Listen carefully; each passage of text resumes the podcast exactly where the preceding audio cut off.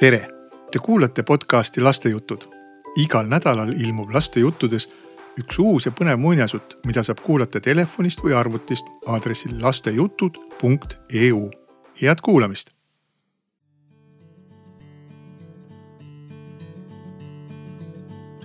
täna jutustan ma teile muinasjutu, mille nimi on Tohter imetark. tohtriteks kutsuti vanal ajal arste ja kas see tohter ikka oli imetark või mitte, seda saadki kohe teada. niisiis, elas kord vaene talumees nimega Vähk. härja paar vankri ees viis ta koormapuid linna ja müüs need kahe taalri eest ühele arstile. talumehele raha välja maksnud istus arst lõunalauda.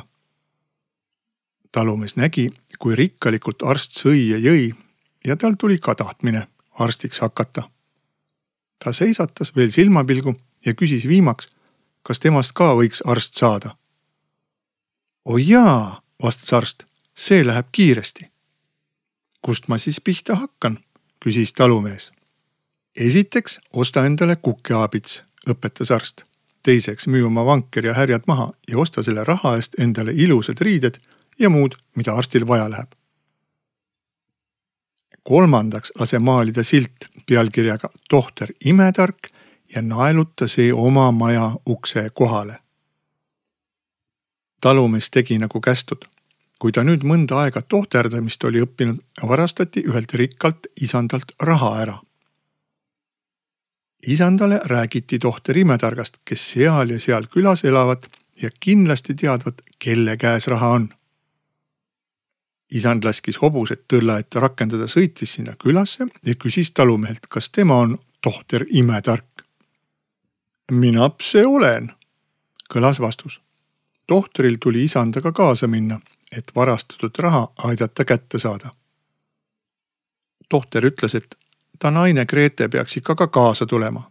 isand oli sellega nõus, laskis neid mõlemaid tõlda istuda ja nad sõitsid koos minema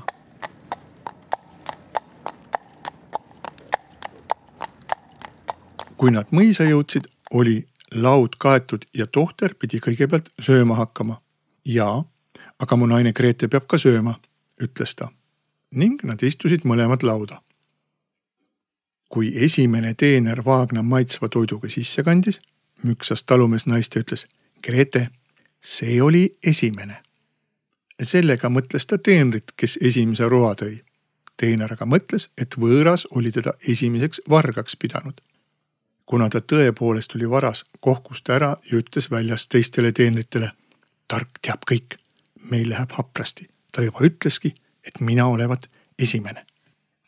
teine teener ei tahtnud selle peale enam sisse minnagi, pidi seda aga siiski tegema. kui ta Vaagnaga tuppa astus, müksas talumees naist ja ütles. Grete, see on teine. teenril oli hirm, ta tegi, et toast välja sai. kolmandal teenril ei läinud ka paremini jälle ütles talumees.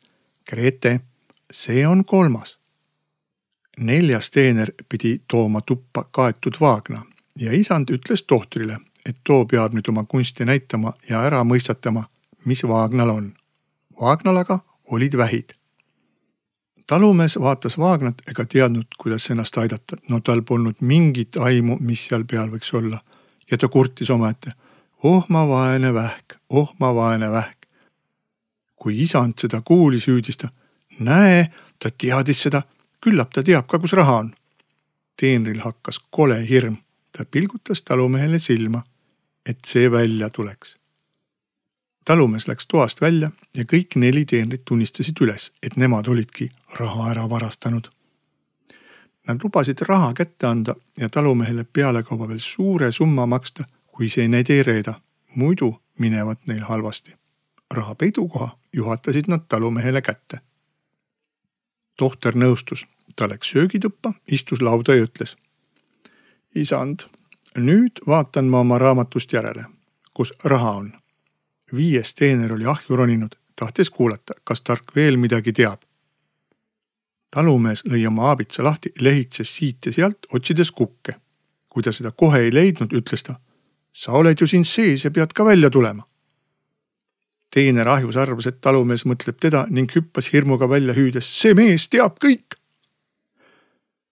nüüd näitas tohter imetark isandale, kus raha asub. ei öelnud aga, kes selle oli varastanud. nii sai talumees mõlemalt poolt tasuks palju raha, tema kuulsus aga aina kasvas. see oli siis lugu tohter imetargast. oli sel mehel alles õnne, aga küllap ta oli selle auga ära teeninud. Aitäh, et kuulasite podcasti Lastejutud. kohtumiseni juba järgmisel nädalal uute juttude ja toredate lugudega